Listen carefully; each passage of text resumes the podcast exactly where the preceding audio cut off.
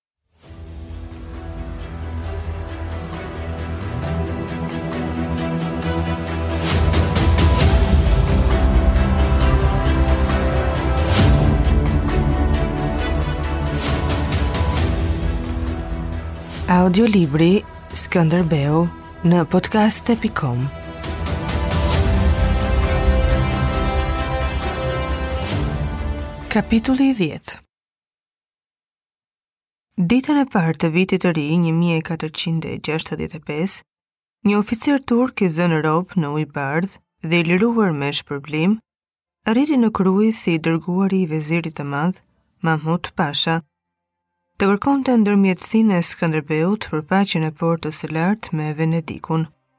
Kruja ishte rruga më pak e këshilluar për biseda paqeje, por Skënderbeu nuk u habit me këtë sjellje prej turku. Nëse veziri i madh po i fuste Skënderbeut në kokë idenë e paqes, kishte të ngjarë që kundër Arbërisë të përgatitej një goditje e madhe. Skënderbeu dërgoi Aleks Spanin në Shkodër që të njoftonte prej andej senatin për këtë emisar të paqes dhe e mbajti oficerin në Krujë. Më 2 janar, Pal Engjeli shkruante nga Venediku se veziri i madh kishte bërë përçapje për paqe edhe në anë të tjera dhe në senat po bindeshin se kjo ishte një dëshirë e sinqertë. Gjergj Pelini shkruante nga Napoli se papa i ri e kërcënonte me luftë e me shkishërim mbretin Ferdinand. Mbreti Matia i Hungarisë Thoshte se nuk do të pranonte kurrë bisedimet e veçanta për paqe që po i bënte sultani, dhe nga kjo kuptohej se ndërkohë që ai po zhvillonte këto bisedime, duka i Milanos, për herë i dashur e vëllazëror, ankohej për çështjen e tregtarit Baltazar. Në të gjitha këto, dukej se vetëm një mrekulli mund ta bënte Europën t'i vinte gjoksin luftës. Në Europë, pas dështimit të kryqizatës, flitej se Skënderbeu do t'u shkonte në ndihmë të krishterëve, si dhe ku do të bëhej kjo, asnjëri nuk e dinte. Ky ishte një mendim i kotë që fryhej duke ushqyer vetveten në një zonë lufte, ku popujt e çoroditur nga vërshimi turk nuk dinin ku të kapeshin. Forcat e Skënderbeut ishin pakësuar, po i thaheshin burimet jetësore, ai kishte mbetur në prapavijat turke dhe duhej të përmblidhej i gjithi për t'i qëndruar një sulmi të ri. Kaluan muajt e dimrit, gjatë të cilave Skënderbeu u përpoq të zbulonte qëllimet e Mehmetit. Heshtja ndillte diçka. Mehmeti fshihej nga bota. Në malet e larta të Ballkanit, ku ai mbrohej nga kolera, asnjë krijesë e gjallë nuk mund të kalonte në një rreth 40 milje larg dhe kur zbriste në Stamboll, asnjëri nuk e shihte me sy përveç mjekut italian, që ishte kthyer në turk dhe më pas do të bëhej vezir i madh. Krishterimi lutej që të trashej sulltani, s'kishte asnjë shenjë në Edrenë për grumbullimet e ushtrisë. Në Egje e Peloponez vazhdonte thyerja dhe tërheqja e ngadaltë e Venedikut. Veç kësaj lufte dhe zgjerimit të Stambollit, Mehmeti nuk bënte asgjë tjetër, ndoshta trashej. Gjergj Pelini qëndronte të shumtën e kohës si ambasador në Napoli. Ai përpiqej të bënte diçka për hedhjen e Napolit në luftë dhe për nxjerrjen e ndihmave. Kjo ishte një detyrë e rëndë dhe ai me zor e fshihte dëshpërimin. Por nëse në politikë nuk i ecnin punët, ai sillte një shërbim të madh në mbledhjen e informatave nga Europa dhe Azia. Pelini po tregonte gjithnjë e më tepër një aftësi të çuditshme për të thithur në largësi lajme nga më të fshehtat.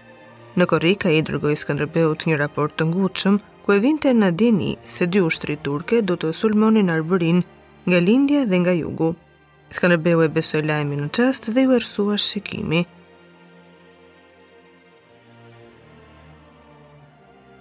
Këto dy ushtri nuk vinin për pushtimin e Arbërisë dhe marrjen e Krujës, po për raskapitjen e vendit siç bëhej para ndonjë fushate vendimtare.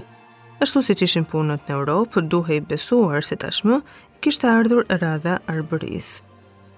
Nga lajmet që mblodhi Skënderbeu, në lindje do të shkonte përsëri Ballabani, ndërsa në jug Jakup Arnauti, e që të dy të lindur shqiptarë.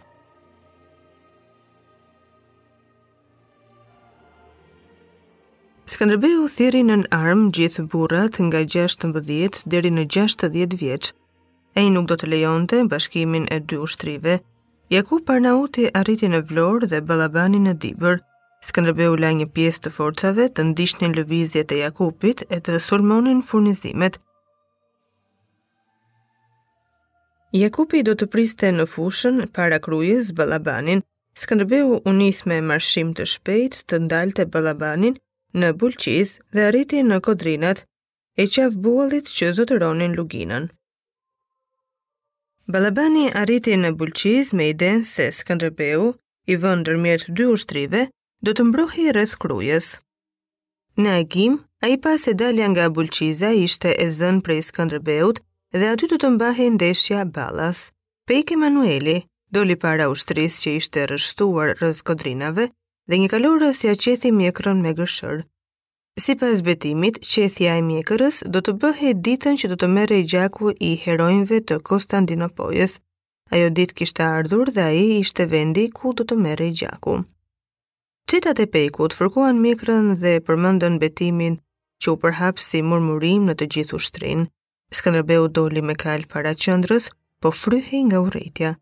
Do të ngjante diçka e paparë, do të luftohej në një luginë të ngushtë me male të larta të kuqerremta në dy krahët, pa tërheqje dhe njëra nga palët nuk do të ngrihej më nga toka. Skënderbeu drejtoi trupin në kalë dhe thirri: "Për Arbërinë!" për heronjtë e Kostandinopojës, ishte i bindur se ai që nuk do të ngrihej më nga toka ishte armiku. I nguli sytë mbi atë armik dhe tha nën zë. Qenër, lutuni për shpirtrat tuaj. U kthye te garda dhe u nis përpara.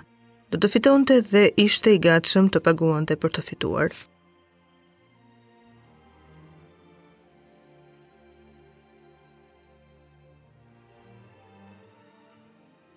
Filloi beteja e madhe, e cila u shndërrua që në fillim në gjak, tmerr dhe përshtjellim. Ushtria shqiptare hyri në të me një dëshirë të vetme, të shfaroste turkun, të nxirrte jetën nga çdo krijesë e gjallë që kishte lidhje me armikun.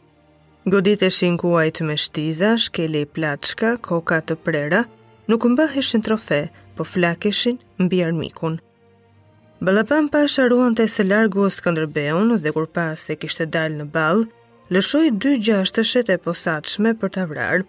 Njëri nga këta arriti t'i afrohej, u ngrit në këmbë mbi kalin e tij dhe iu hodh në qafë ta zvarriste poshtë.